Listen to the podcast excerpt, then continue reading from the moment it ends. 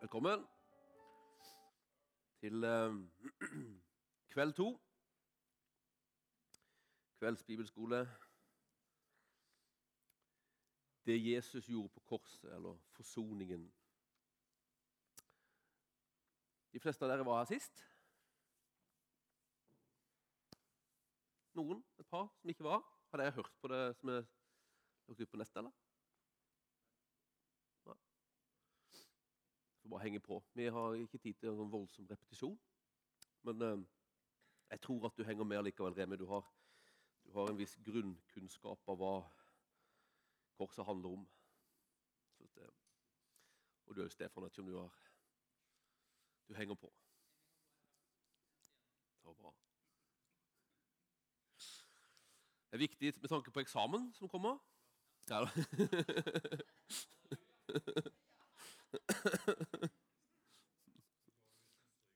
Du stryker jo allerede da.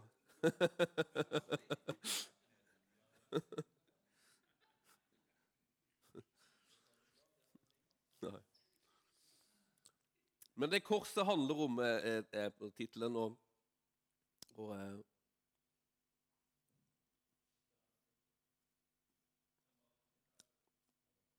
Det er like bra at den stoppen kommer én gang. Sånn. Det vi prata om sist, var på en måte hvorfor korset var nødvendig.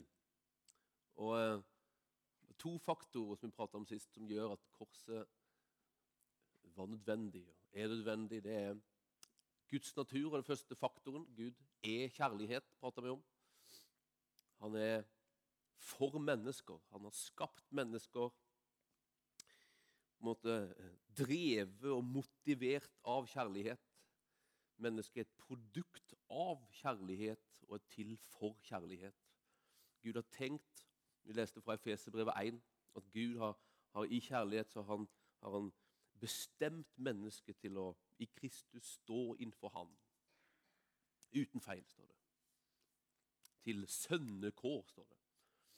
Så, så mennesket er skapt for å ha relasjon med Gud. En kjærlighetsrelasjon med Gud.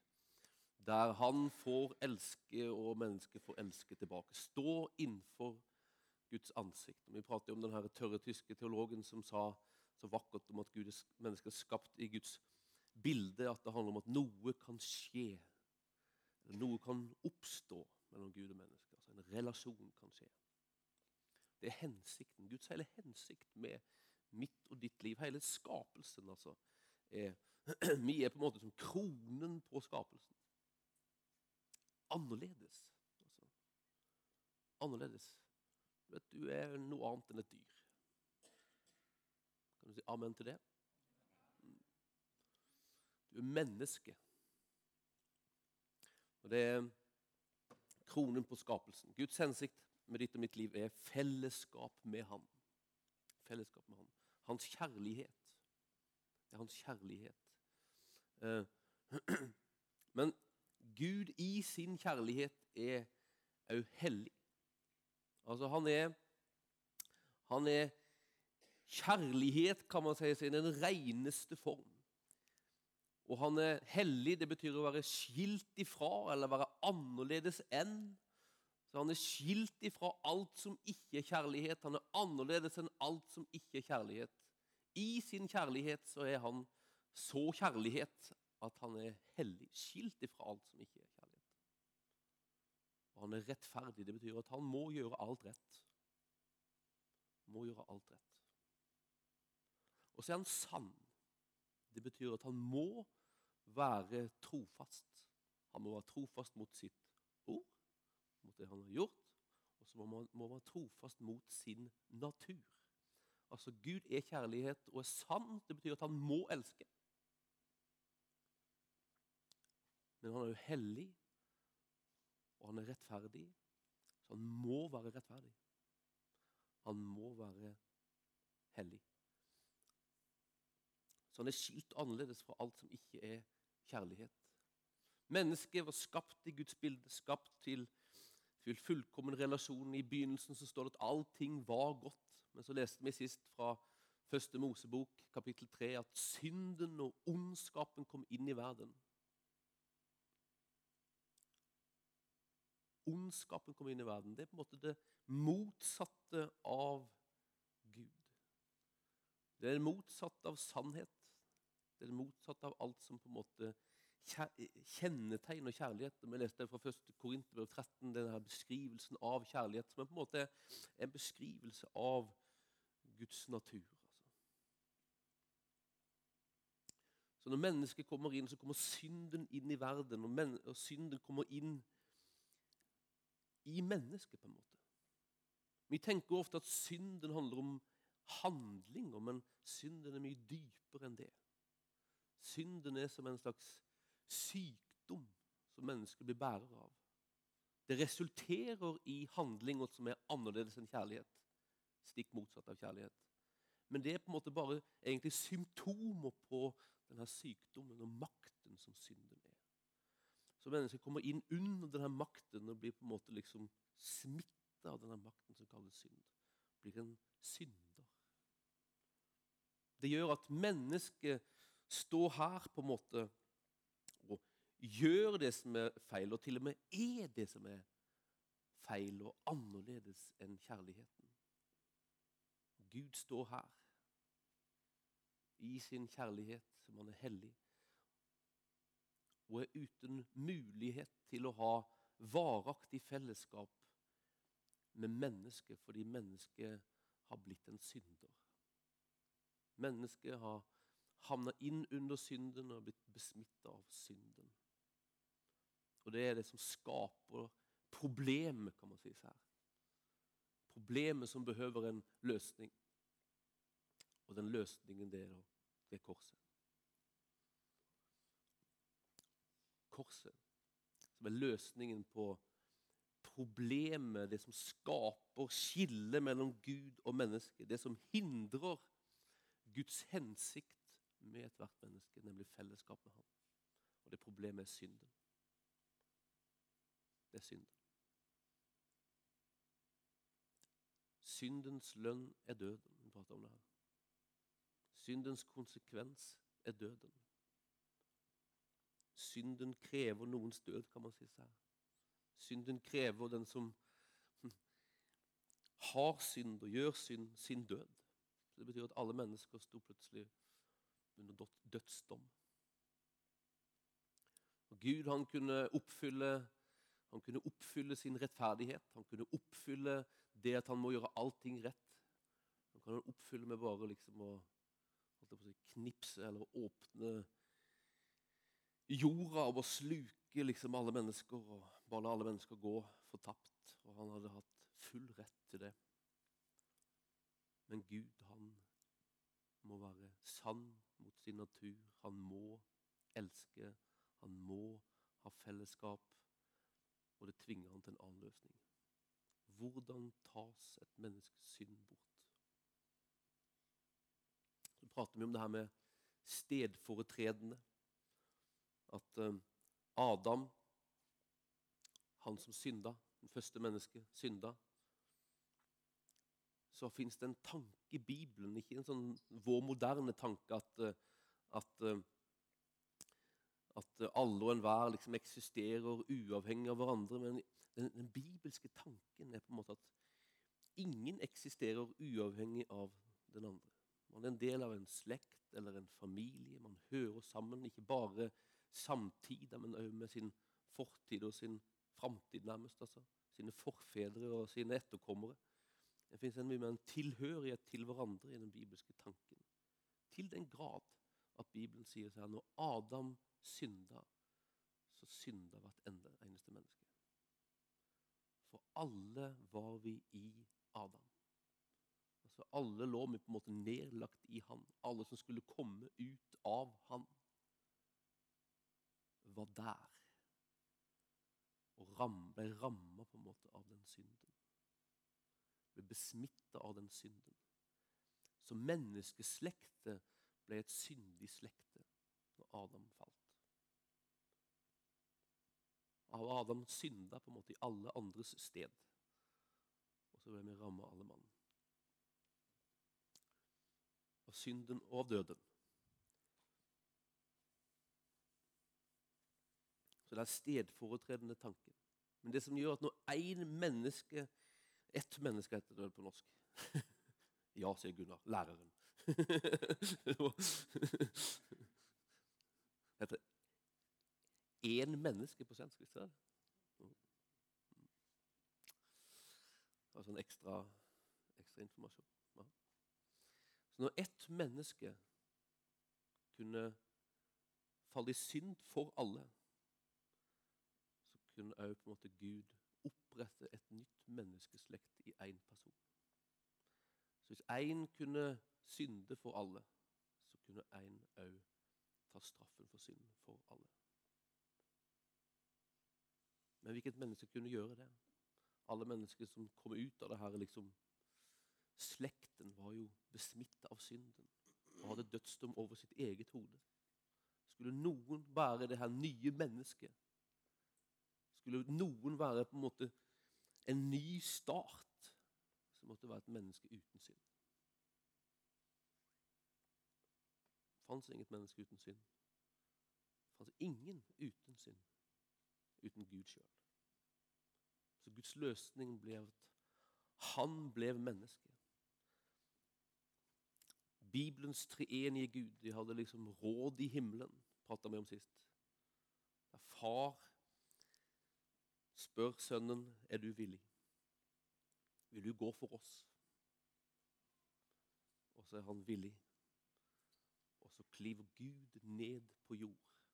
Blir født inn i denne verden som et lite barn. Det er jo det vi på en måte feira i jula. Inkarnasjonen kalles det. Det betyr Gud blir kjøtt. Gud i kjøtt. Gud blir menneske for å opprette menneskeslektet som har falt. Så Det er på en måte det som gjør at korset blir nødvendig, og inkarnasjonen, det at Gud blir menneske, blir nødvendig. Jomfrufødselen blir nødvendig. Sånn at ikke det mennesket som er født, er på en måte et, enda et menneske fanga under synden. Men Gud kommer over Maria. Gud befrukter Maria. Og hun føder et barn som ikke bare er et fullt ut menneske, men også fullt ut Gud. Mm. Det var hun. Men noe oppstår der. Så kan man gå inn på det der. Hva, hva gjorde at, at Maria, som jo var besmitta av synden Hva gjorde at hun på en måte, når hun blir befrukta av, av Guds sæd, føder noe som ikke er besmitta av, av, synden. Bibelen sier ikke hva det er. Mange har kommet med mange forklaringer. Amerikanske leger har kommet med ulike forklaringer. Ja, for dette, det, det er mannens liksom, DNA som bærer med seg et eller annet. Så Det er mange sånne teorier om det. Men vi vet ikke det, altså. Vi vet ikke det. Men Bibelen sier at det er resultatet. Gjør det. Katolske kirker har jo en ny variant, for de har jo sett dette problemet. Så de sier ja, men Maria var òg tilkommet på et overnaturlig måte. Så hun liksom, hos liksom, eh, fødsel er òg overnaturlig. Så de løfter opp Maria på en veldig høy nivå. Så hun blir syndfri. Men hvor, Da flytter man jo bare problemet en generasjon tilbake. Men hva med, hva med hos tilkomst igjen, da? Altså, altså, da var det jo òg en, en, fortsatt en Altså, så Man flytter jo bare problemet liksom av en generasjon fram. Men det er, grunn, er en liksom, av innholdet i det her Maria-opphøyelsen som katolske kirke har. Så det, så det, det var det vi prata om sist, altså at, at, at, at, Jesus blir løsningen. Synden gjør at korset er nødvendig.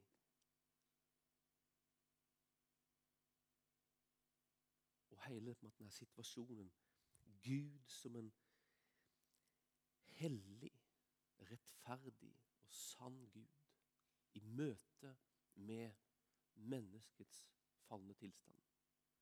Gjør korset nødvendig, og at Jesus er løsningen som behøves.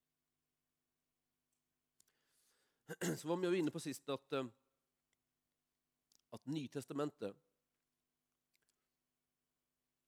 Når Nytestamentet skal, skal, beskrive det her som, som skjer på korset, så bruker den ulike bilder.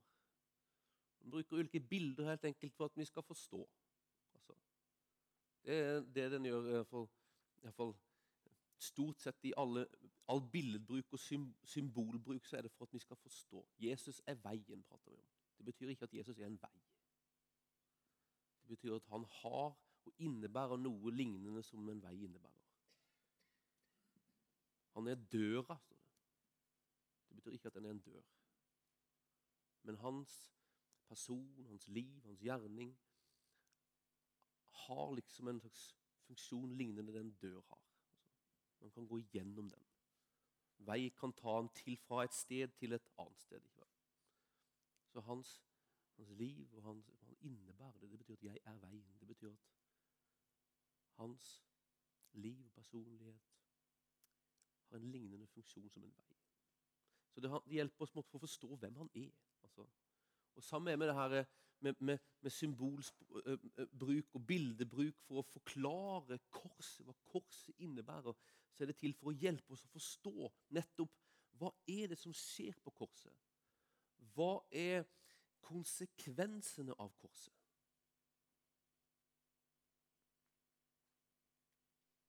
Og Vi skal bruke de her to siste kveldene på å, på å gå gjennom en del sånne bilder.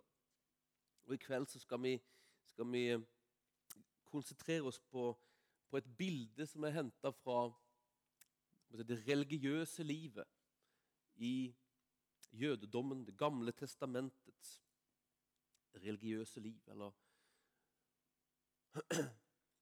eh, gudstjenesteliv, kan man si seg, i Det gamle testamentet. Hvorfor det? Jo, fordi at i Det gamle testamentet på en måte gudstjenestelivet så var offer en sentral del. Og offerbildet er en sentral del for å forstå på en måte hva korset handler om. Og man kan si så her at det her bildet er på en måte et grunnleggende bilde for alle andre bilder. Altså, det, her er, det her er avgjørende nærmest for, måte, for de andre. Altså, vi prater, skal vi prate om at, at det, det, som skjer på korset, er en seier. Vi pratet siste gang om at Ove Asbjørn gikk i triumftog. Altså, altså Når Jesus dør på korset, så innebærer det en seier. Men uten at det offeret på en måte skjer, som vi skal prate om i kveld, så, så tror jeg på en måte vi ikke kan si at det fins noen seier. Altså, seieren vinnes nærmest gjennom et. Vi skal prate om, om, om begrepet forsoning som opprettelse av relasjoner. Korset innebærer opprettelse av relasjon mellom menneske og Gud. Det er grunnleggende for, en slags eh, nærmest et slags utgangspunkt for relasjoner mellom menneskers opprettelse. Men uten at det offeret skjer, så fins det ikke noen forsoning av relasjoner. Altså Det blir et sånn grunnleggende bilde, det vi skal prate om i kveld. Derfor bruker jeg liksom mest tid på det. Det som skjer nemlig ved offeret, er at blod utgytes. Og uten at blod utgytes eller gis, så gis det ingen tilgivelse for synd. Eller det gis ingen renselse fra synd. Og Det er på en måte det som er problemet. er det ikke enig? Vi prater om det. Hva er, hva, er, hva er, problemet? Jo, det er synden. Hva behøver da tas bort? Jo, det er synden. Og uten at blod utgytes, sier Bibelen, så gis ingen tilgivelse for synd. Hebreerbrevet 9 etter loven blir jo nesten alt renset med blod. Og uten at blod blir utøst, er det ingen som får tilgivelse,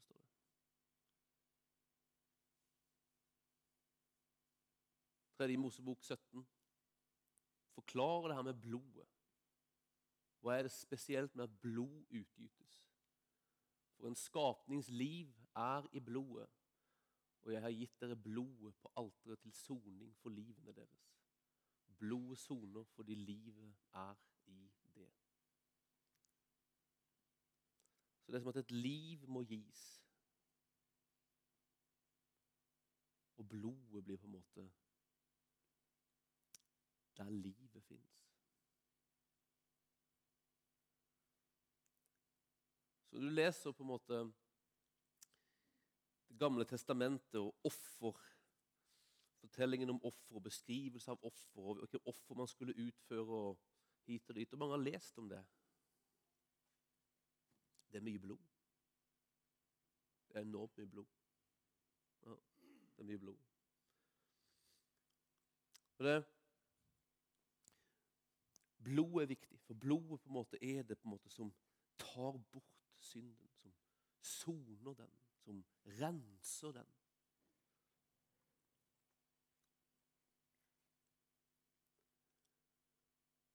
Jeg tenkte vi skulle begynne å se på det her med offervesenet i Det gamle testamentet. Det er jo sånn Det gamle testamentet er fylt, fylt av det vi kaller liksom sånn forbilder, eller Forbilder på det som kommer i Det nye testamentet. Og alle ofrene som man leser om i Det gamle testamentet, det er forbilder på det offeret som Jesu død på korset innebærer.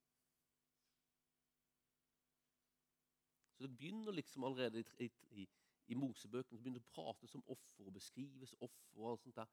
Og det er egentlig ikke en, det er ikke offer som på en måte løser problemet, men det er offer som på en måte blir en slags midlertidig løsning, og så, og så skal det peke fram mot det sluttlige, avgjørende offeret som kommer på korset. Det offeret som korset innebærer. Men gjennom hele Gammeltestamentet så er offer utrolig viktig og sentralt. Og Jødene de tror at dette er løsningen. Men vi oppdager over forklaringen i Det nye testamentet at det er ikke løsningen. Det er et sånn, en forløper, det er en skygge, det er, liksom et, det eksempel på det sluttlige, avgjørende offeret som Jesu død på korset innebærer. Men det er noen avgjørende ting liksom, som skjer i det her med offer, som jeg tenkte vi skulle eh, lese litt om. Så slå opp i tredje Moseboken. Tredje Mosebok. Hvor mange har Tredje Mosebok som sin favorittbok i Bibelen? Ingen. Mange har prøvd å lese Tredje Mosebok. Ja. Jeg har av og til prøvd det, Der er jo masse offer som beskrives der, altså. Masse offer. Og jeg har av og til som jeg prøvd å sette meg ned og forsøke å systematisere de her ofra. Og skille de fra hverandre. og Hva liksom er forskjellen på de? og Det er fryktelig vanskelig på en måte egentlig å liksom skape et ordentlig system av det der. For det, det er oppramsning av oppramsning av lignende ting. Og så gjentas det, gjentas det, gjentas det. gjentas det, gjentas det. Og det, det er ganske tungt stoff, altså. Det er ganske tungt stoff. Men det som skjedde på en måte når, når, når Israels folk ble liksom danna og, og, De består jo av, eh, tolv stammer. Husker dere, Det begynte jo med Abraham. Gud utvalgte jo Abraham. Han skulle bli et stort folk. Til slutt så fikk han jo en sønn. Og så fikk sønnen hans et par sønner. Og så fikk, altså Sønnen var jo Isak. Isak fikk Jakob og Esau. Jakob ble på en måte arvingen som liksom skulle liksom føre videre det her. Og så fikk Jakob tolv sønner. Husker dere det her? Og de tolv sønnene kalles for Israels folks tolv stamfedre. Så Israels folk består av tolv stammer. En av de stammene heter Levi-stamme. En av sønnene til Jakob heter Levi. Og denne stammen fikk en spesiell oppgave i dette folket som heter Israel. Det skulle være prestefolket. Det folket som på en måte si, arbeida i Guds hus. De hadde ansvar for liksom alt i helligdommen. Og, og, og, skulle på en måte liksom tørke støv, og de skulle pusse vinduer, og de skulle lage mat. og Alt. Altså, de skulle gjøre alt altså, knytta til Guds hus. I Levi stamme så fins det en person som heter Moses. Han kom fra Levi stamme. Moses hadde en bror som heter Aron. Og Aron fikk liksom blant det her, denne Levi stamme som skulle jobbe i Guds hus, så, så fikk Aron en spesiell oppgave, og det var å være prest. Han skulle være prest. Aron var den første presten, og så skulle det på en måte gå i arv. De som kom fra Aron, de var prester. Til enhver tid så var det én av prestene som fikk sjefsrollen og kaltes for øverste presten. Øverste presten.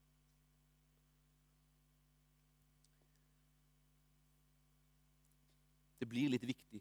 Derfor så tenker jeg at også, Og det er jo interessant er det ikke det, å få litt sånn innsikt i det her gudstjenestelivet. Som er på en måte en slags forbilde for det Jesus utfører på korset. Eh, tredje Moseboken kalles for Levitikus. Levitikus. Det betyr presteboken. Så her er det prestforskrifter, regler og ritualer som gjelder. Tredje Mosebok, kapittel 1. Dette er det første som skjer i tredje Moseboken. Og Det er at Herren roper på Moses og taler til ham fra telthelligdommen. Tal til israelittene og si til dem når noen hos dere bærer fram et offer for Herren, skal dere ta det fra buskapen, enten av storfe eller av småfe, står det. Så kan dere lese på skjermen. Hvis det er et brennoffer av storfe, skal han bære fram et hanndyr uten feil. Han skal ofre det foran inngangen til telthelligdommen, så han kan vinne velvilje for Herrens ansikt. Han skal legge hånden på brennofferets hode så det kan bli tatt imot med velvilje og gjøre soning for ham, står det. Så ritualet, da. Offerritualet.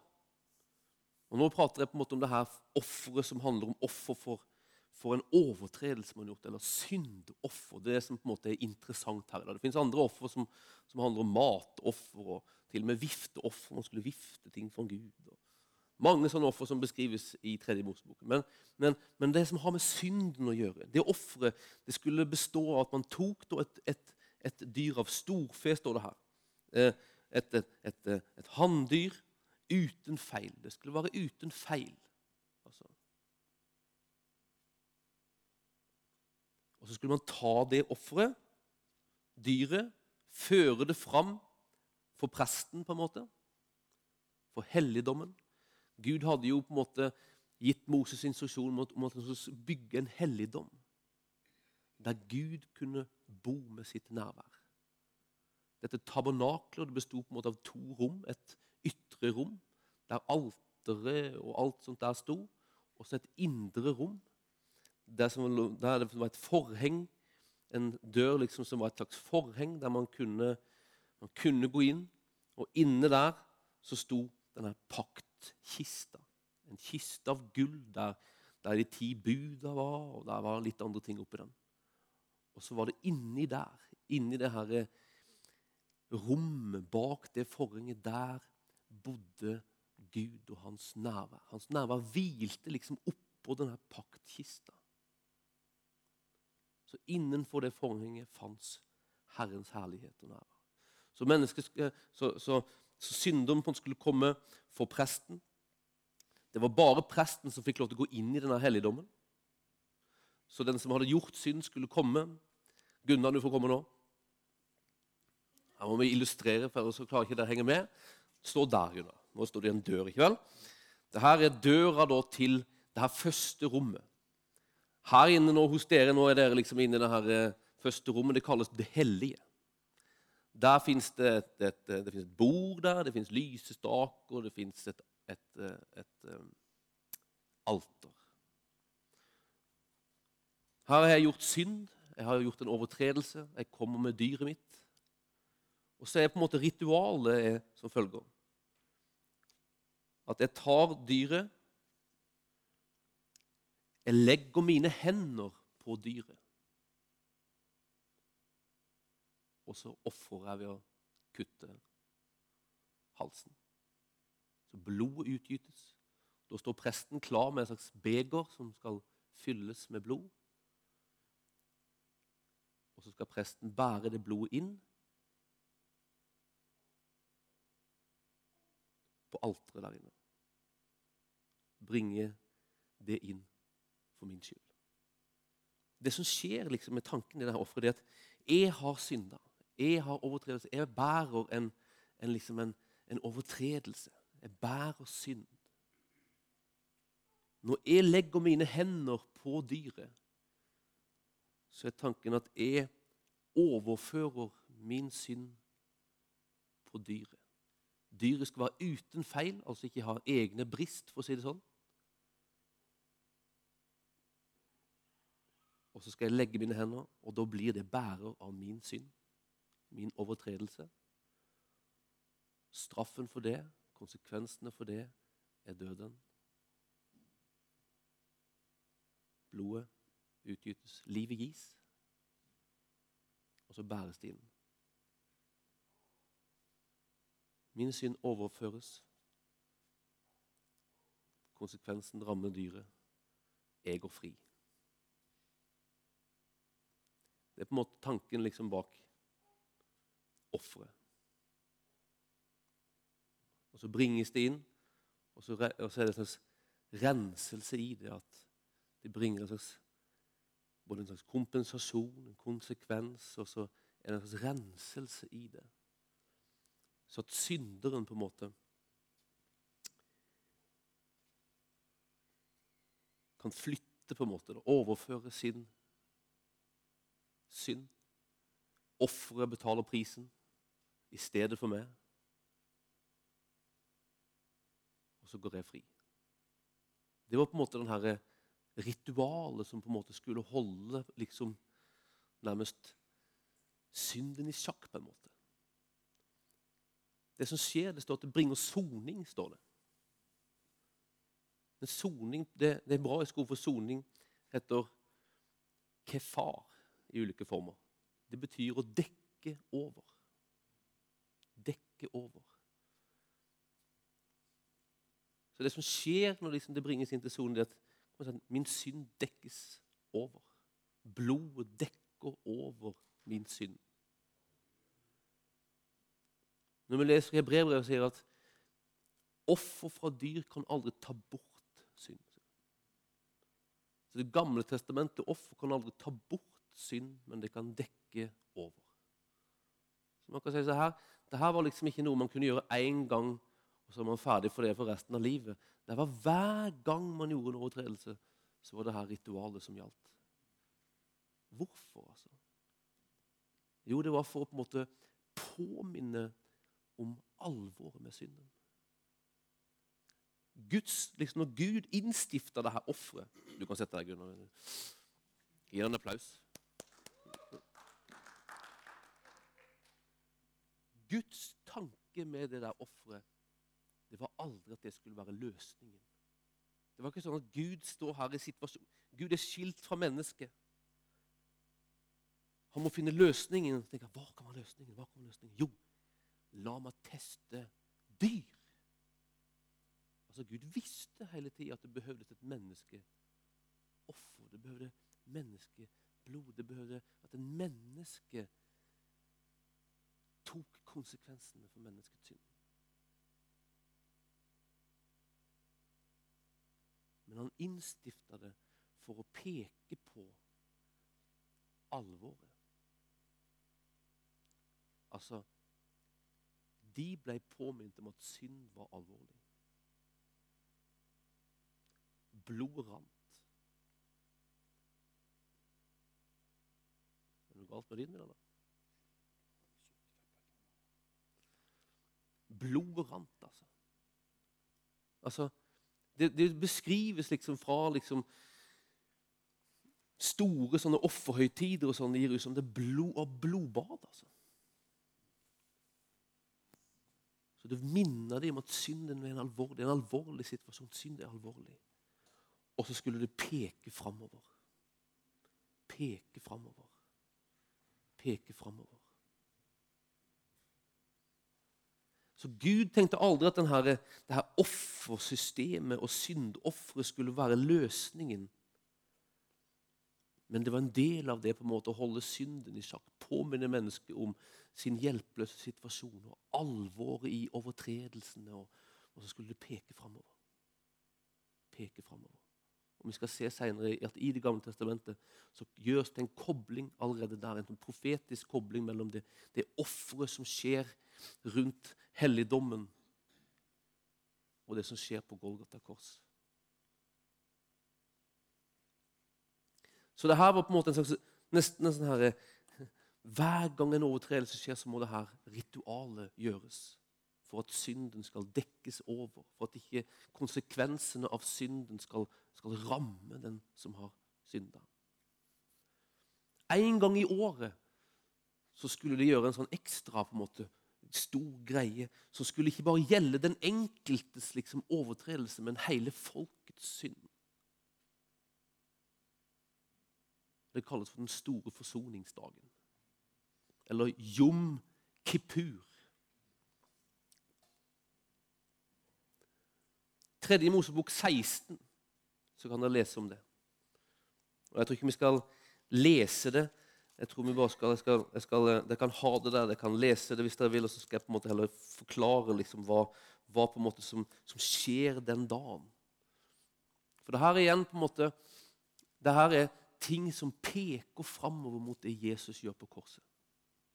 Han som skal være det sluttlige, avgjørende offeret. Det som skjer på den store forsoningsdagen, det er et forbilde. Det er en pekepinn, det er et profetisk bilde på hva som skal skje på Golgata kors. Sentrale aktører denne dagen, det, det her andre ofrene, det kunne hvilken som prest som helst på en måte ta imot og utføre. Gunnar kunne være hvilken prest som helst. Han kunne liksom være eh, Arons eh, eh, sønnesønn. Den store forsoningsdagen, da var det øverste presten som var den som skulle gjøre det, det her. Og øverste presten skulle gjøre det helt, egentlig helt uavhengig eller uten at folket kom Folket skulle ikke komme fram til presten og ofre, men øverste presten skulle sjøl utføre noen offer. Det første øverste presten skulle gjøre, det var at han skulle utføre et offer for sin egen synd og overtredelse. Så øverste presten skulle ta en okse, og så skulle han legge sine hender på oksa hva skjedde når man la hendene på dyret? Overførte man sin egen synd og overtredelse på oksa. Oksa fikk betale konsekvensene. Blodet utgyts til renselse for øversteprestens synd. Og da står øverstepresten der, kan man si seg, uten synd. Han gjorde ikke det virkelig, for et, et Dyreblod kunne aldri på en måte utføre den renselsen, kunne aldri ta bort synden. Men, men liksom, det her er på en måte symbolsk. altså. Og Det peker framover mot det som skal komme på korset. Øverstepresten legger hendene på, overfører sin synd. Dyret dør. Øverstepresten bærer dyrets blod inn for sin egen synd. Kommer ut og står der uten synd. Og Når han står der uten synd, så kan øverstepresten bli bærer av noen andres synd. Og Det øverstepresten blir bærer av, det er hele folkets synd. Så nå står øverstepresten der i folkets sted. Det er stedfortredende igjen. Han representerer folket. Og så er det to dyr som er sentrale her nå. Det er ett dyr som det står Det er to bukker. Én bukk for Herren, står det. Og det er den bukken som skal dø for folkets synd. Så øverste presten tar bukken, den første bukken. Nå er han bærer av folkets synd. Og så dør bukken, ofres. Øverste presten bærer blodet inn for folkets overtredelser. Utfører det og så kommer han ut igjen. Så tar han bukk nummer to. Hva gjør han med bukk nummer to? Jeg leser man beskrivelsen i 3. Mosbok 16, så er det der han på en måte legger hendene på. Det virker ikke som han legger hendene på den første. Han bare tar livet av den. Blodet utgytes, og det bæres inn. Men nå legger han hendene på bukken, overfører folkets synd på bukken. Og så jager han den ut i villmarka. Så offeret på en måte for folket er to steg. Det er, det er en utgytelse av blod for folkets overtredelser. Og så er det at folkets overtredelser og synder bæres bort fra Israels leir og ut i villmarka. Så det er nesten sånn to deler i det. Det fins en renselse med blodet og en bortbæring bort fra folket. Så utgytelse av blod og det er bærendet bort av folkets synd. Det er det som skjer på den store forsoningsdagen.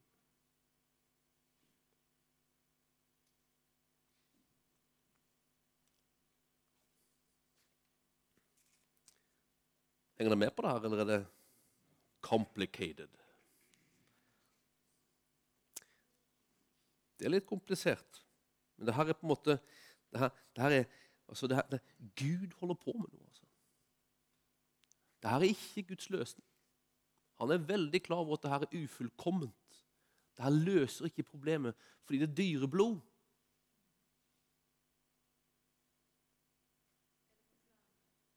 Det for å klargjøre, det påminner om alvoret.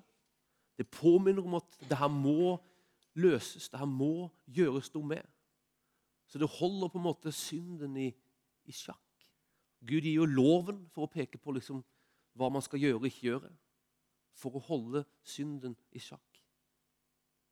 Paulus prater om at loven er liksom gitt som en slags tuktemester, altså for å holde på en måte folket liksom innenfor visse rammer for å føre fram Guds sluttlige løsning, som er Jesus.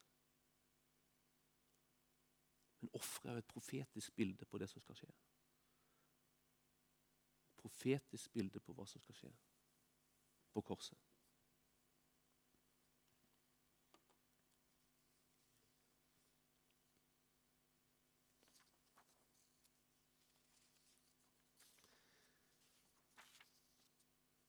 Var usedvanlig kort, eh, fort gikk jeg gjennom nå. også. Det hang med.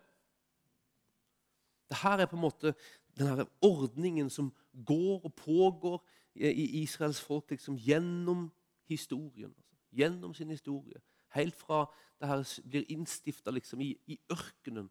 Når du har vandra ut av Egypt og på vei til Kanans land, så innstiftes det her. Og så skal det være en ordning som liksom pågår. Pågår. Jom Kippur Ja, det var én dag i år. Forsoningsdagen én dag i året. Nei, det gjør det ikke. For dette her blir på en måte, det her er, det her er en ordning som knyttes til helligdommen. Gud sier uttrykkelig at det her skal skje på det stedet jeg utvelger. Og Det er først denne helligdommen. Og når tempelet bygges i Jerusalem, de kommer inn i landet og etter hvert bygger tempelet, så blir det stedet. Så det her eksisterer helt fram til tempelet blir ødelagt. År 70 etter Kristus. Da fins ikke tempelet, så da kan man ikke lenger utføre offer. Så det jødene på en måte tenker seg nå, er det en slags intensjon. altså Jeg har den intensjon å ofre, og så blir det gyldig. Som jeg har forstått det rett, så er det sånn de tenker nå. Men selve blodofferet, det, det utføres ikke i dag.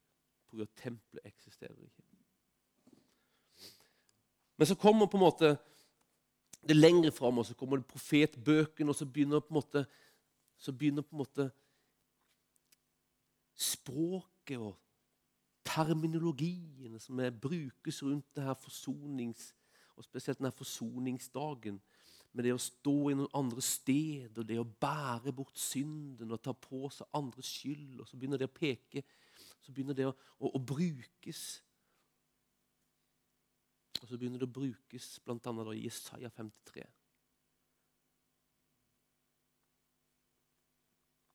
på en profetisk måte som peker framover. Gå til Jesaja 53. For Jesaja 53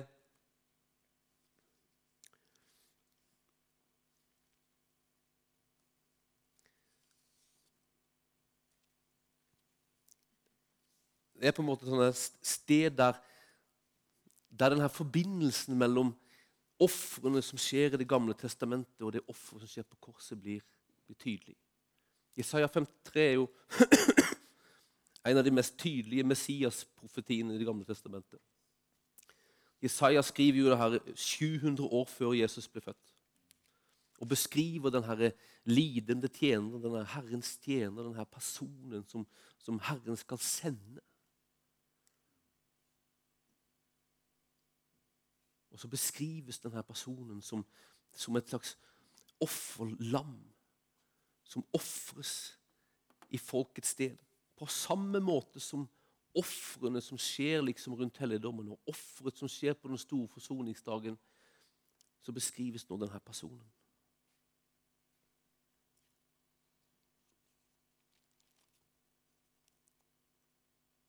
Når vi leser fra vers 4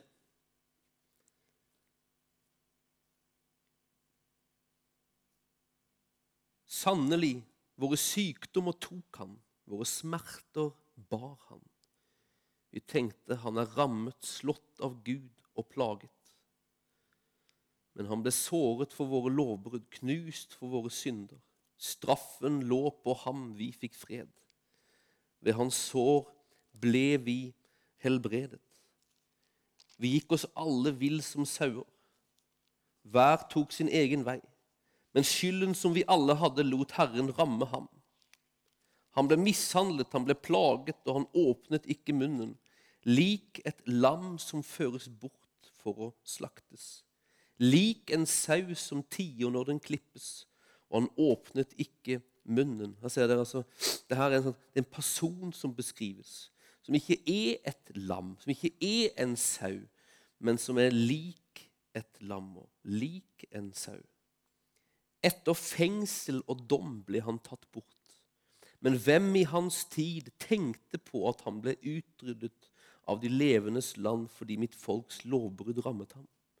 Da han var død, fikk han sin grav blant urettferdige hos en rik, enda han ikke hadde brukt vold, og det fantes svik i hans munn. Det var Herrens vilje å knuse ham med sykdom, når hans liv er gitt som skyldoffer skal han se etterkommere og leve lenge. Ved hans hånd skal det lykkes, det Herren vil. Etter sin nød skal han se lys, han skal mettes ved sin innsikt. Min rettferdige tjener skal gjøre de mange rettferdige, han har båret deres skyld. Derfor gir jeg ham del med de mange, med de mektige deler han bytte, fordi han tømte ut sitt liv til døden og ble regnet blant lovbrytere. Han tok på seg de mange synd og ble rammet i stedet for lovbrytere. Så her brukes det om et menneske. Det er tydelig at det prates om et menneske, et Herrens redskap. Så brukes det språk og, og et bilde som, som, peker tilbake på det som skjer i dyroffersystemet. holdt jeg på å si her. Som skjer på den store forsoningsdagen med et dyr. Det skjer nå med ved et menneske. Et menneske på en måte utfører det som offerdyra utførte i det jødiske folk.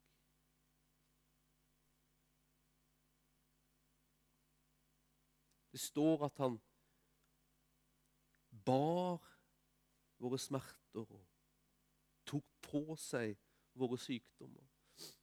Dette er to liksom hebraiske ord som heter nasa og sabal. Det er ord som brukes om offerdyra på den store forsoningsdagen. Nå brukes det om denne personen som beskrives i Jesaja 53. Det er et offerdyr som beskrives, men det beskrives at et menneske på en måte blir redskapet for det. En direkte link til forsoningsdagen. Når en jøde leser det her, så gjør det en kobling til det som skjer ved, ved de her dyra på den store forsoningsdagen. Det er bærendet av folkets overtredelser som på en måte legges på en bukk.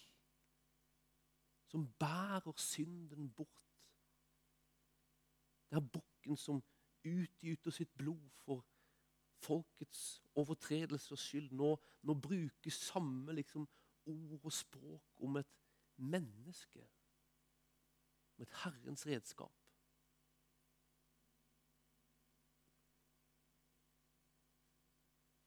Så det er som at det fins her en slags, nesten en slags link mellom det som står i tredje Moseboken, de beskrivelsene, og det som skjer på korset når Jesus kommer. Jesaja 53. En profetisk liksom, beskrivelse av Jesus som en som oppfyller den store forsoningsdagen og offeret som skjer der for folkets synd. Vers 10. Det var Herrens vilje å knuse ham med sykdom. står det. Når hans liv er gitt som skyldoffer, står det. Men det kan også oversettes med 'når hans liv gjøres til et skyldoffer', skal han se etterkommere og leve lenge. Når gjøres et offer til et skyldoffer? Når er det på en måte det herre dyret liksom blir gjort til noens liksom skyldoffer? Når jeg har gjort synd Gunnar, du må komme igjen. Jeg har gjort synd. Stå der i døråpningen, du. Jeg kommer med, med mitt liksom dyr. Når er det jeg gjør det til mitt syndoffer, skyldoffer? Jo, er jeg legger hendene på. I det jeg gjør det, så gjør jeg det til mitt skyldoffer.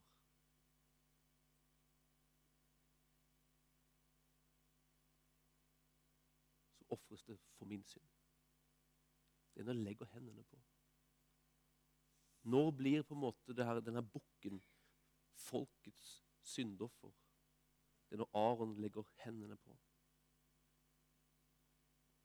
Når er det den her lidende tjeneren Takk, under?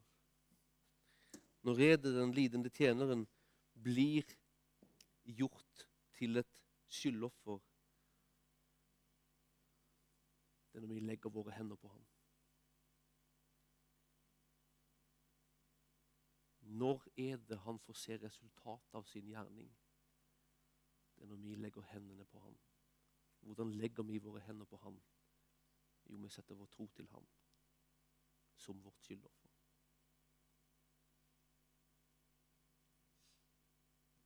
Altså Det er en profetisk beskrivelse av Jesu verk. Og så er det en profetisk beskrivelse av hvordan han blir vårt syndoffer, skyldoffer. Når vi setter tro til Jesu offer, verk på korset, da er det som at vi legger våre hender på ham og gir han vår synd.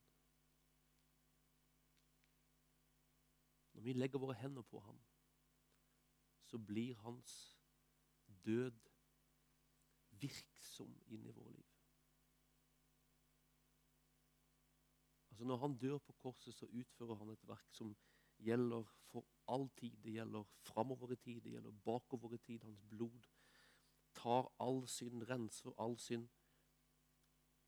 Men for at det skal bli for at vi skal bli del av frukten av det han lider, så må vi som folket måtte legge sine hender på et dyr, og vi legge hendene på ham. Ved å si 'Jeg tror at du døde for meg'. Jeg tror at du er mitt syndoffer og jeg tar imot den gaven det er at du døde for meg.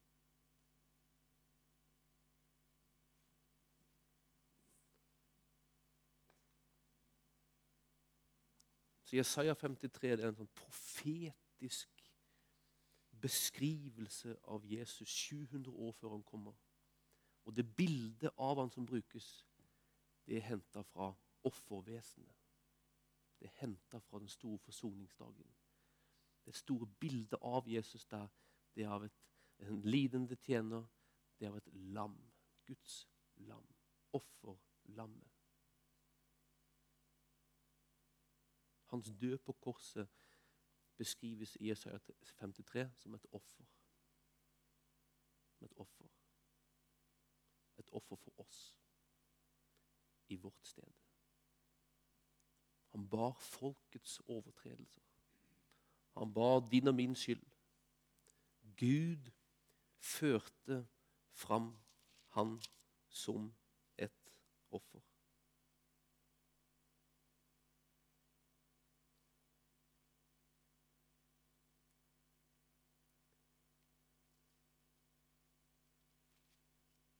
Tok på seg de mange synd.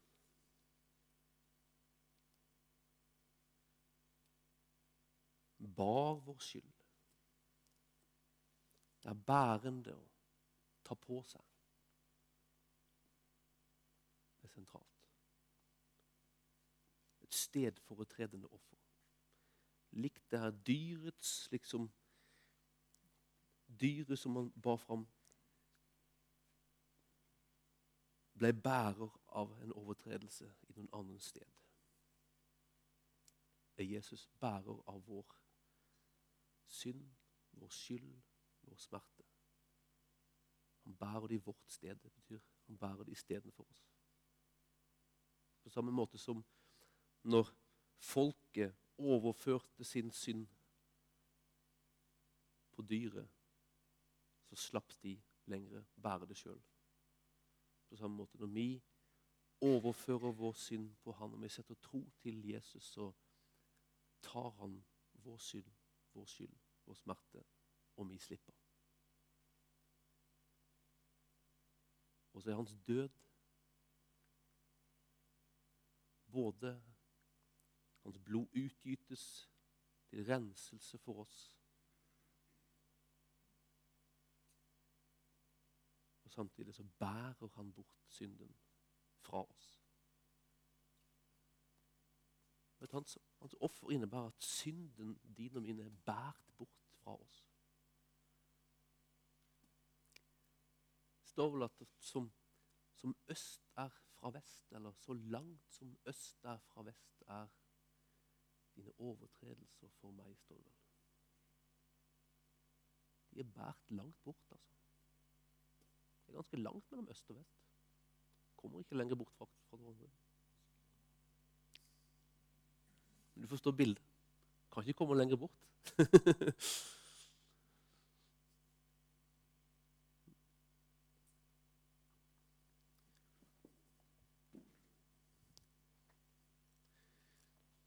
Så er det. Det var veldig kort om det gamle testamentlige offervesenet. Og Jesaja 53 nærmest som en slags forbindelse mellom det som beskrives i tredje Moseboken, som praktiseres gjennom århundrene, og det som skjer når Jesus kommer og dør på korset. Som det sluttlige, avsluttende evige offeret for vår synd.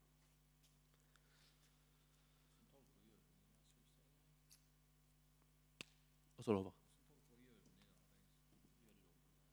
Åssen jødedommen tolker Jesaja 53?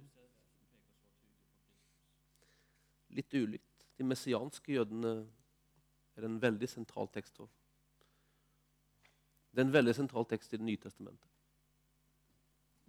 som man kan si de første kristne var en kjempesentral tekst for. Som oppfyllelsen av Altså Jesus var oppfyllelsen av den. Ellers eh, tror jeg kanskje at jødiske folk skulle kanskje sette seg sjøl inn i den. Enkelte. Vi er den lidende tjeneren.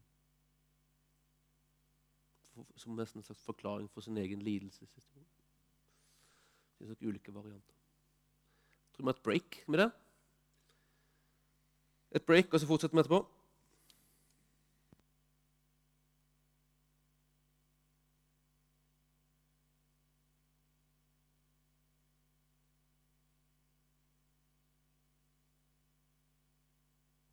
Evangeliene kommer så så, eh, så ser vi at Jesus identifiseres med denne lidende tjeneren i Jesaja 53. Det der er fra Lukas 22,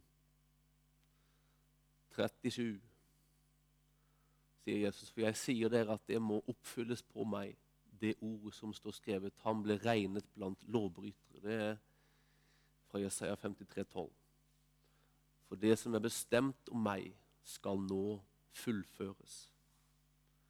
Så det er som at det her er Alt det som Gud på en måte har liksom reist opp liksom, i det jødiske folk, det her offervesenet. Alt det som Jesaja på en måte tar og peker tilbake på, samtidig peker fram mot noen som skal komme og oppfylle. Nå skjer oppfyllelsen av det. Nå skjer fullføringen av det. Nå er liksom, det, her, det her ordet 'fullføre' på gresk det handler egentlig om å nå et mål.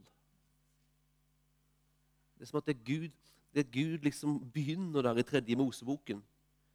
Det er at han skaper det her offersystemet. Og så, som Jesaja på en måte knytter an til Jesaja 53, det er 700 år før Jesus. Nå er det som at nå oppnår Gud sitt mål med alt det der. Hensikten med alt det der.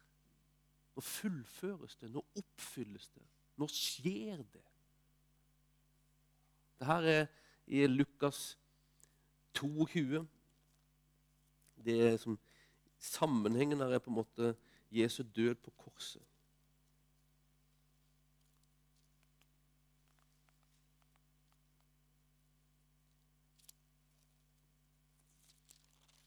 Han er på vei inn. Han står for det Han er på vei inn i denne avgjørende situasjonen. Han holder på å ta avskjed med de tolv, og nå skal det her, som Jesaja 53 beskriver, nå skal det skje. Nå skal det oppfylles, nå skal det fullføres. Og det skjer gjennom meg. Så Jesus han, han ser seg sjøl som oppfyllelsen av Jesaja 53. Han ser på sin død som en offerdød i andre sted. Ingen har større kjærlighet enn den som gir livet for vennene sine. Livet i stedet for vennene sine, kan det oversettes i Johannes 15, 13. Jeg helliger meg for dem, så skal også de helliges i sannheten. Helliges det er sånn en, en sånn offerterm igjen. Jeg henter fra det her offerverden. Altså. Ofrene og prestene de skulle helliges. De skulle settes til side. De her prestene de skulle settes til side. De skulle leve avskilt, være hellige. De skulle være satt til side for det her offer skulle være rede og beredt for å kunne være de som bar fram offer for folket. Offerdyr, Det var vanlig at offerdyr på en måte ble satt til side. F.eks. når det er påskelam. Påskelammet var jo et slags offer, litt annet offer.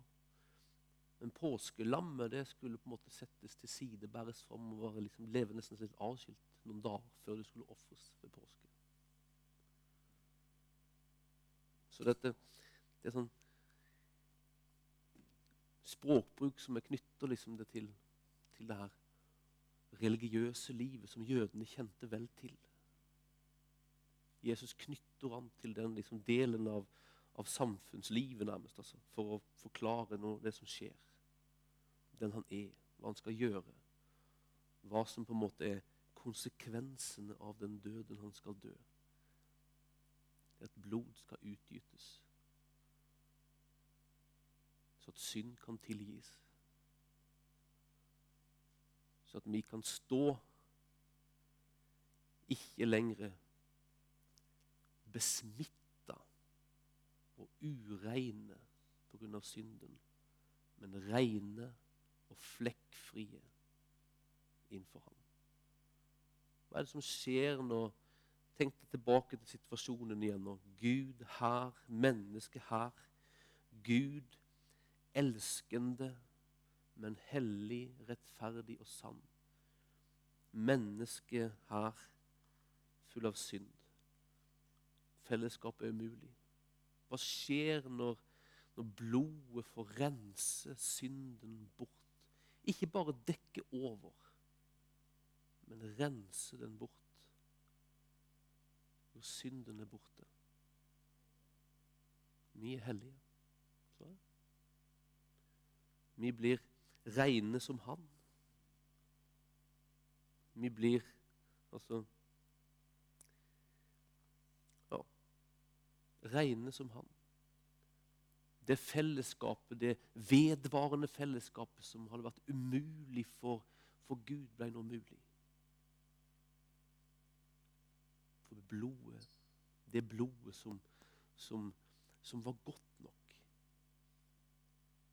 Ikke dyreblodet, men blodet av et fullkomment menneske gjør at fellesskapet som var brutt, gjenopprettes.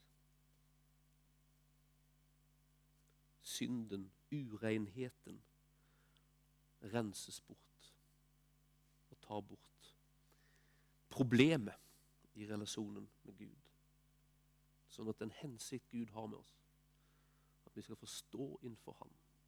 Hellige, flekkfrie, kan skje.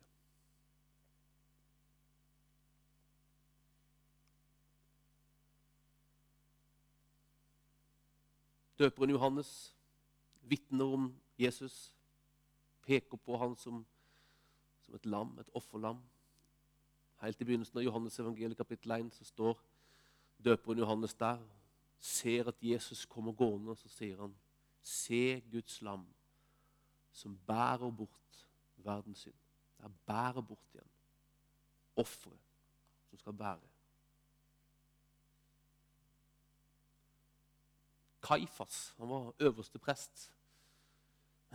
Dette skjer i forbindelse med at, at um, man tenker på å ta Jesus til fange når han har vekt opp Lasarus.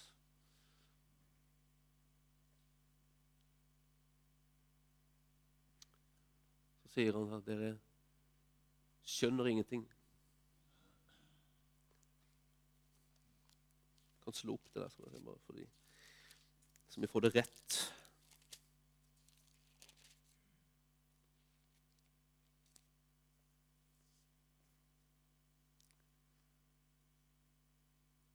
Dere skjønner ingenting.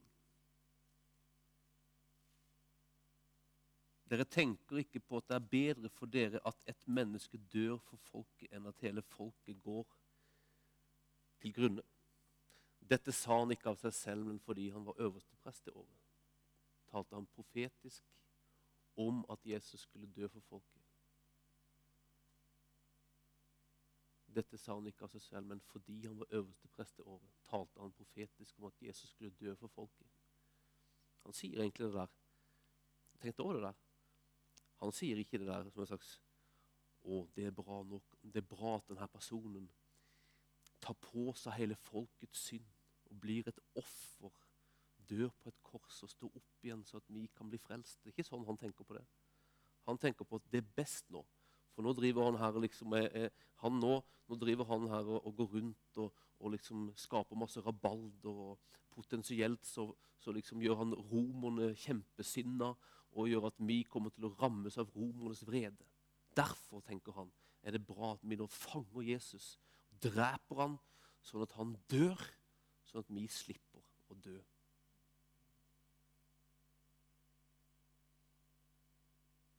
Sånn at vi slipper romernes vrede. For når romerne kommer og er sinna pga. Jesus, så kommer de til å ta livet av oss alle. Det er sånn han Kaifas tenker det her.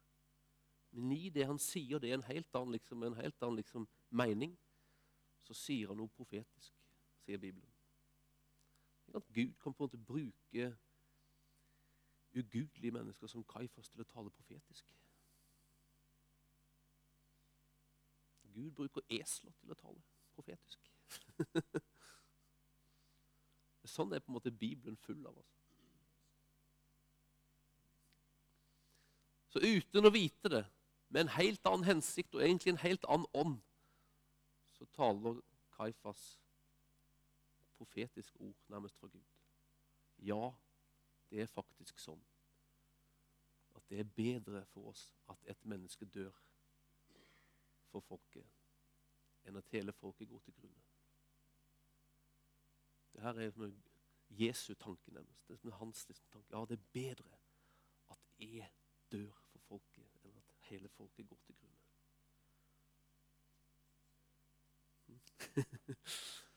Men det er jo fantastisk at han syns det. At han syns det. For han behøvde ikke gjøre det. Han behøvde ikke gjøre det. Folket hadde fortjent å gå til grunne. Vi hadde fortjent å gå til grunne. Men takk og lov at han fant det bedre å dø, sånn at vi skulle slippe.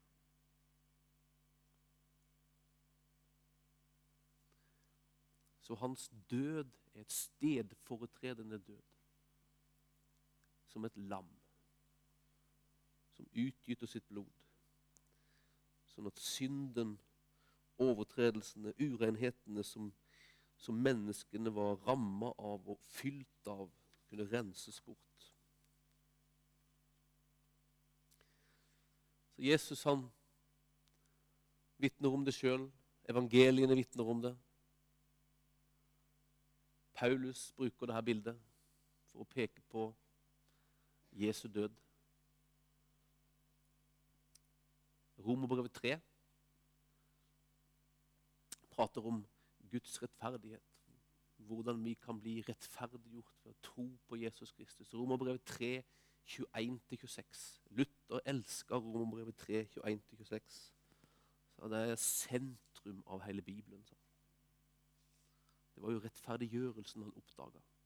Det at vi kunne bli rettferdiggjort, gjort rettferdige.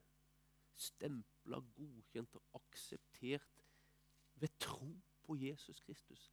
At en rettferdighet, evangelium sånn, en rettferdighet fra Gud altså, har kommet fra Gud til oss ved at vi tror.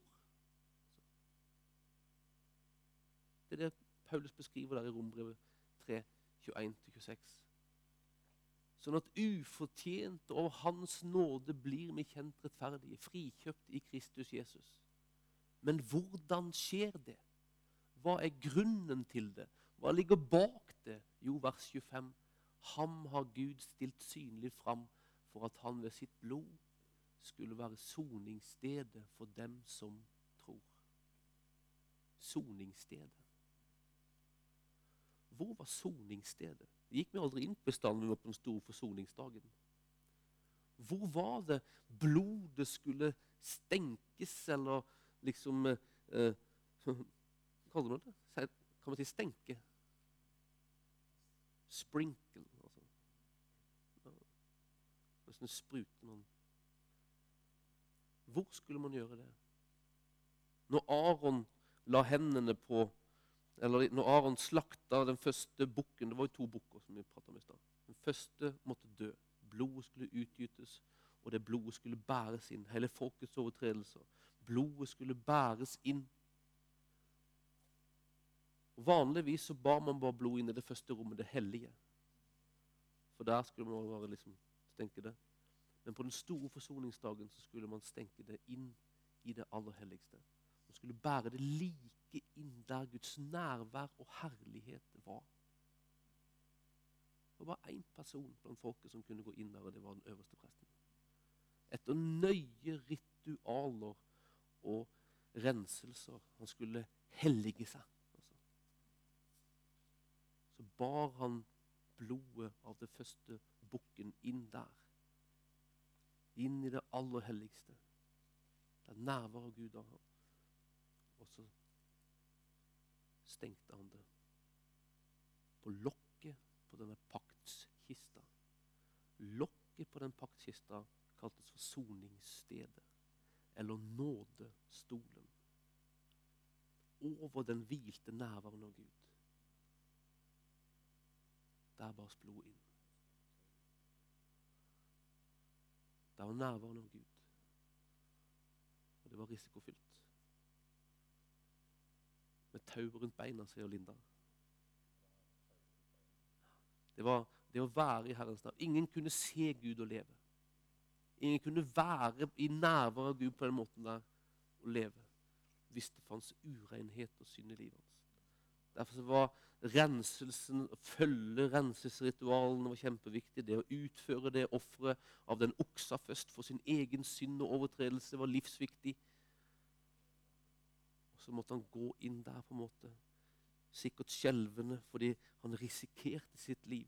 Så stor regnet man med risikoen var at man, hvis han skulle på en måte komme inn der og ikke liksom være rein nok, så skulle han dø.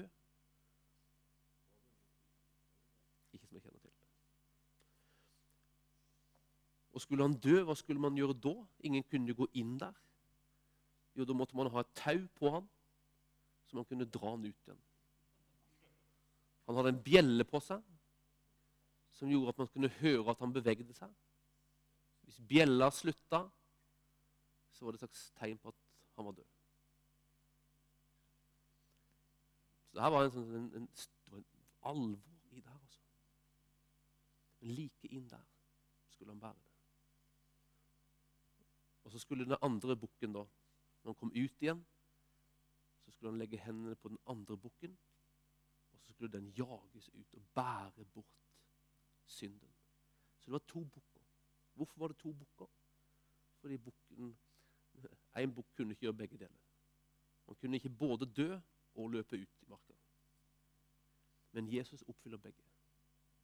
Så når Jesus dør på korset, så er det både at blodet utgytes til soning, renselse for synd, og så bæres synden vår bort.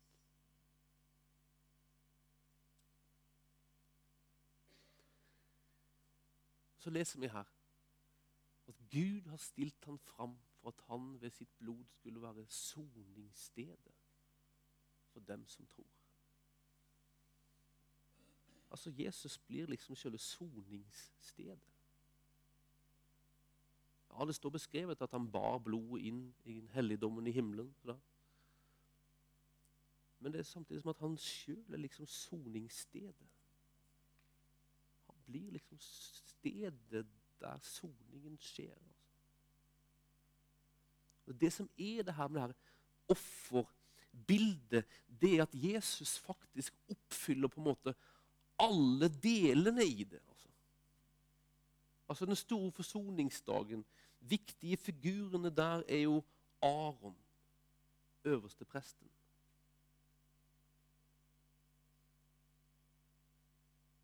Hvis du leser hebreerbrevet, så beskrives Jesus der som den store, øverste presten.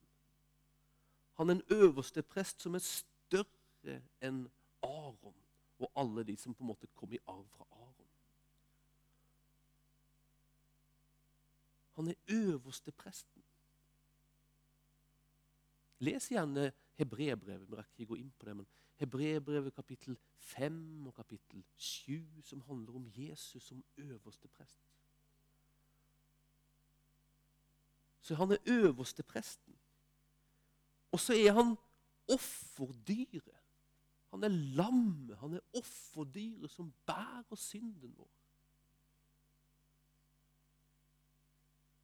Og så er han soningsstedet. Stedet der forsoningen skjer. Liksom. Han er alle delene. Altså. altså Det er som at Gud på en måte sier nå, nå, nå har jeg hatt en, en slags eh, Nå kommer liksom Nå kommer oppfyllelsen her. Nå kommer liksom det jeg har hatt som mål hele tida. Nå skal det her fullføres. Og da er det som at nå har det vært et, sånt, et, sånt, et, forløp, en, en, en, liksom en sånn skyggebilde i Det gamle testamentet der, der det var et, et menneskelig liksom, øverste prest, og det var et dyr, og det var mennesker som skulle gjøre det og gjøre det, og dere skulle gjøre det og gjøre det på et rett måte for at det her skulle skje. Men nå skal hele min hensikt med det fullføres. Og nå, min venn menneske, nå skal du bare sitte, og så skal du se. Og så kliver han, Gud sjøl, inn i si, rollen som øverste presten. Han behøver ikke å ofre en okse for sin egen synd først, som Aron måtte. Han bærer ingen synd. Her kommer øverste presten, som er uten feil. Som fordi han ikke har synd, kan bære folkets synd. Og så kliver øverste presten inn og så bærer han folkets synd.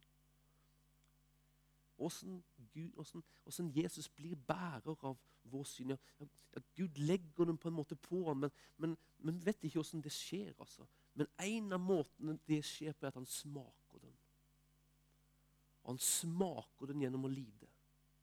Han smaker det gjennom å lide gjennom hele sitt liv, nærmest. altså. så smaker han pisk og hån og slag. Han, han smaker det å leve, det å, det å fødes på en måte i skam. Altså Han blir født som et uekte barn. altså nærmest. Altså. Og Vi kan bare tenke hvilket stempel som fantes med han på en måte. Og Vi, vi, vi ser hvordan brødrene hans hånte han og forkasta han. Og, og, vi ser hvordan hans eget folk gjorde det til den milde grad at de dreiv han til korset og utleverte han til en forræders død. Han smakte syndens hele, fulle vesen. Altså. Og han lot det skje. Gud lot det skje. Far lot det skje. Sønnen lot det skje. For at han skulle være øverste presten som bærer folkets synd. Og så er han ikke bare øverste presten som tar noen andre og lemper det over på, men han kliver sjøl inn i dyrets plass og sted. Betaler prisen og konsekvensene for det. Gir sitt liv. Utgyter sitt blod til renselse. Og så er det soningsstedet. Det er ikke en helligdom bygd av menneskehender, men en fullkommen helligdom. Det er han sjøl er stedet der forsoningen, soningen for vår synd, skjer. Så det er som at når Jesus oppfyller det her bildet, så er det som at liksom menneske Nå kan ikke du bidra mer. Nå kliver jeg inn. Og jeg gjør det. Ikke halvferdig eller halvdårlig, men jeg gjør det fullkomment. Hebreerbrevet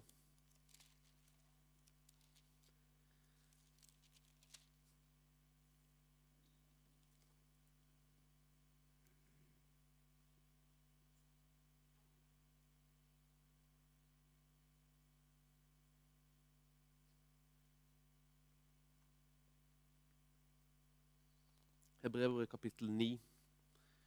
Altså dere, hvis dere på en måte får litt tak på det her offerbildet, og så begynner å lese hebreerbrevet, så blir hebreerbrevet utrolig berikende.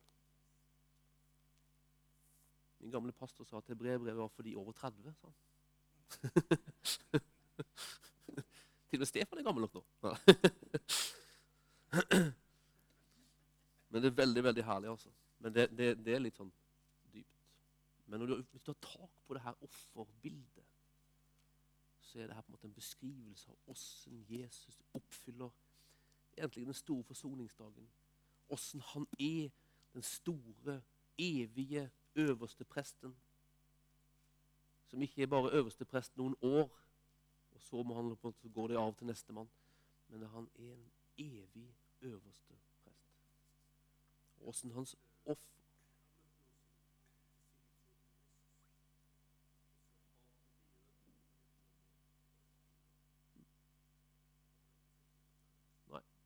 Helt rett. Helt rett.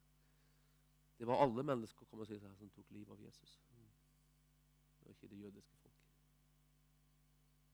Og man kan si så at det var Ja, så er det.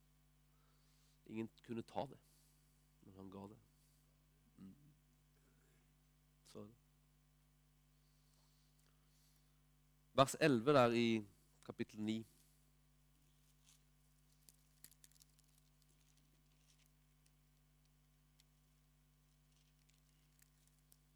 Men Kristus er kommet som øverste prest for alt det gode vi nå har. Han har gått gjennom det teltet som er større og mer fullkomment, og som ikke er laget av menneskehånd, dvs. Si, som ikke tilhører denne skapte verden. Det er teltet, det er denne telthelligdommen. Ikke med blod av bukker og kalver, men med sitt eget blod gikk han inn i helligdommen en gang for alle og kjøpte oss fri for evig.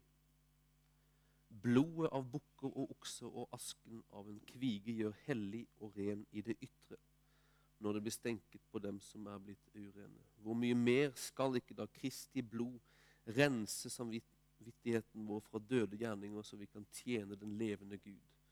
For Kristus har i kraft av en evig ånd båret seg selv fram som et feilfritt offer.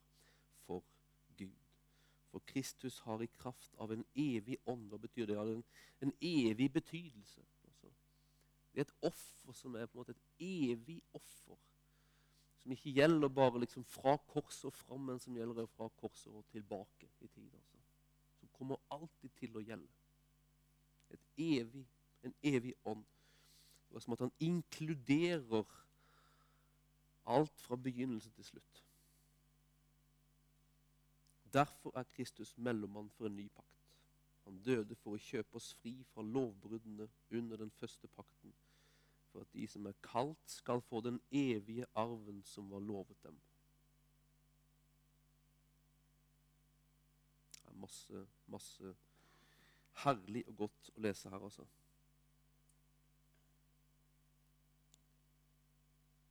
Vers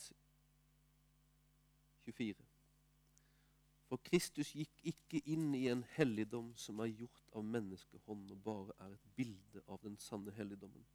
Han gikk inn i selve himmelen, og nå trer han fram for Guds ansikt for vår skyld. Så han bærer blodet like inn, inn for Guds ansikt. Inn i himmelen, ikke bare i en jordisk helligdom. Han gikk heller ikke inn dit for å bære fram seg selv som offer flere ganger slik øverstepresten år etter år trer inn i helligdommen med blod som ikke er hans eget. I så fall måtte han ha lidd mange ganger helt fra verdens grunnlov ble lagt. Men nå har han åpenbart seg en gang for alle ved tiden, tidenes ende for å ta bort synden ved sitt slik alle mennesker må dø én gang og siden komme for dommen, slik er også Kristus ofret én gang for å bære syndene for de mange. Og siden skal han for annen gang komme til syne, ikke for syndens skyld, men for å frelse dem som venter på ham.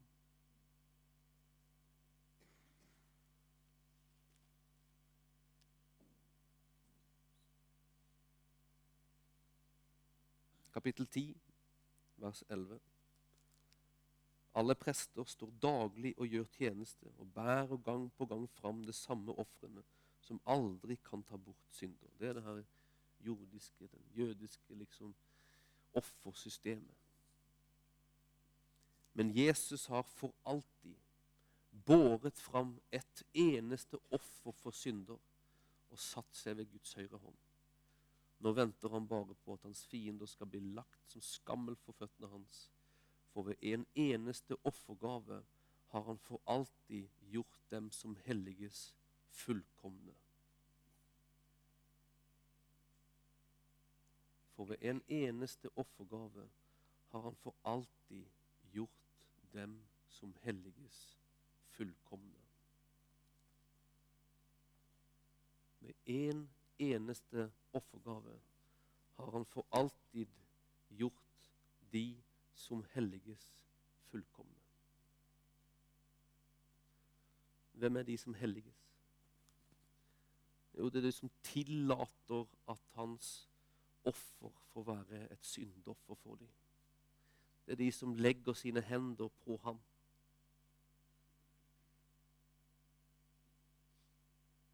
Sånn at de sine overtredelser kan regnes med i det offer som er gjort.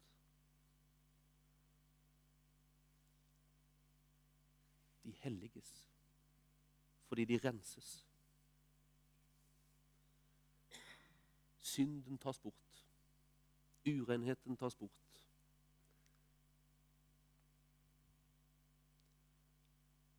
Når urenheten tas bort,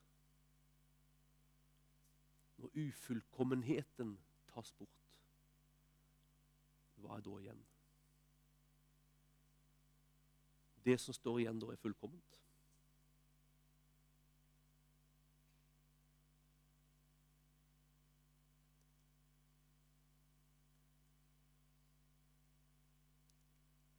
Så hans offer gjør oss fullkomne. Hans offer gjør oss fullkomne. Så fullkomne at vi kan stå innenfor Guds ansikt. Uten feil, uten flekk. Vi kan jo lese Efeserbrevet igjen.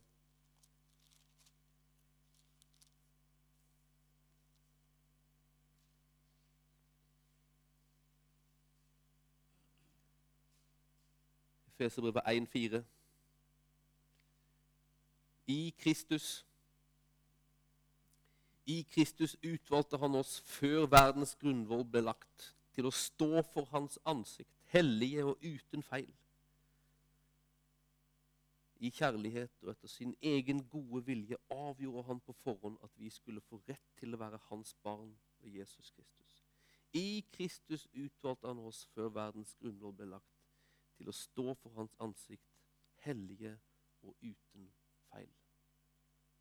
Hans offer, hans ene offergave, den fullkommelige offergaven, den gjør de som helliges, altså de som, som, som sier 'jeg vil være inkludert i det', den som tar imot det, den som rammes av det, den som liksom lar det være virksomt i livet sitt, den fullkomnes.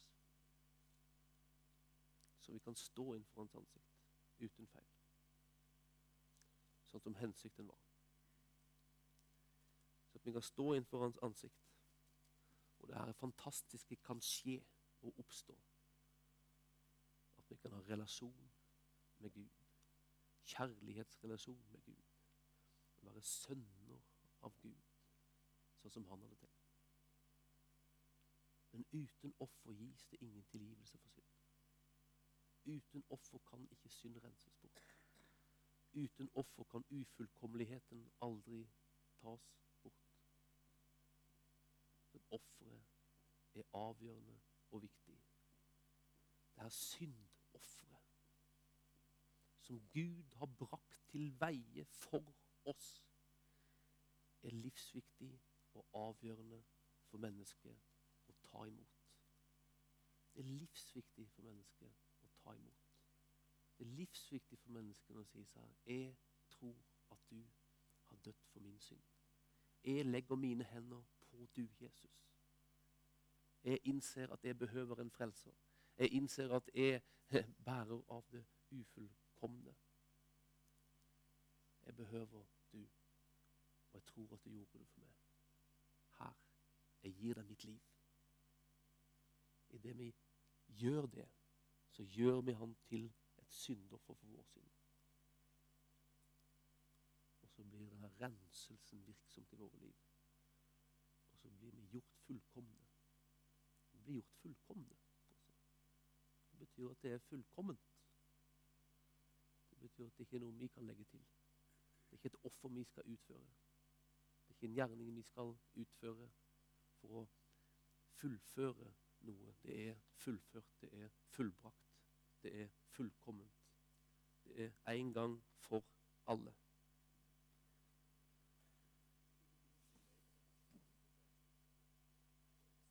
Ja, det kan man. Absolutt. Men det her Heldigvis så holder det at man bare forstår at man skal si ja til Jesus. Men det her er på en måte med på å forstå, å forstå liksom ja. Ja. Og det på en måte det, det vekker en slags det, det, Både det her på en måte at synden er alvorlig. altså. Synden er alvorlig. Og prisen Gud fikk betale for min og din frelse, den var høy.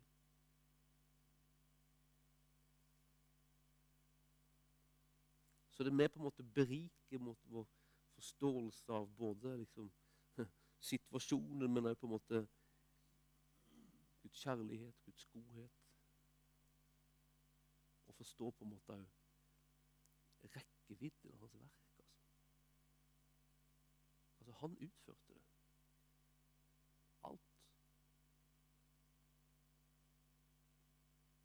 Vi fikk sitte og se på.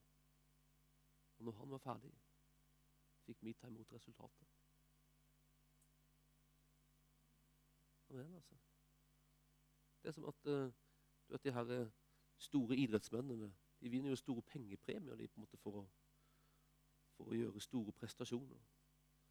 Men det er som at liksom man har et utrolig dårlig bilde. altså. Men Det er som at en stor liksom, idrettsmester på en måte liksom skulle leve hele livet sitt på en måte, for å vinne en stor premie. liksom. Og så kommer liksom Linda. Han liker å se litt sport, så han kommer slengende inn og liksom setter seg på å se litt god underholdning.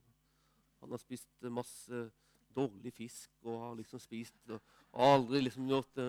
Han har ikke forberedt seg liksom for noen idrettskonkurranse eller for å vinne noen premie. eller noe som helst. Han bare setter seg liksom der for å se på. Altså. Så er det en som har levd hele livet sitt for, liksom, for å kjempe og klare å vinne noe. Og så vinner han det, og så stikker han rett bort til Lindar og lar han få premien. Et veldig dårlig og ufullkomment bilde. Men det er litt det som skjer. Altså. Din og min frelse det er ikke en premie for vår liksom, dyktighet eller fromhet eller vår, vår, kvalitet. Det er helt og holdent en gave. En gave, altså. Gitt. Ikke basert på hva vi kan, eller hvem vi er. Det er basert helt og fullt på hvem Jesus er, og hva han har oppnådd. Halleluja, kan du si. Far, vi takker deg for korset, Herre, og for det som skjer der. Takk at du, Jesus, var villig til å gi ditt liv for oss. For å bære øverste presten, for å bli offerlammet, for å utgyte ditt blod, Herre, for, til renselse for vår synd, Herre. Jeg takker deg, Herre, for din godhet, storhet. Hjelp oss, å, oss, hjelp oss å forstå, Herre. Hjelp oss å se det, Herre. Sånn at vår, vår kjærlighet til du, Herre, kan fordypes, Herre. Så at vi innser syndens alvor, men vi innser òg gaven, Herre, du har gitt oss i frelsen ved troen på Jesus Kristus. Far, vi takker deg for at vi kan forstå innenfor du som du hadde til hensikt at vi skulle gjøre, Herre. Uten feil. Fordi du har rensa oss ved din sønns blod. Vi takker deg for det i Jesu navn. Amen. Amen. Takk for i kveld.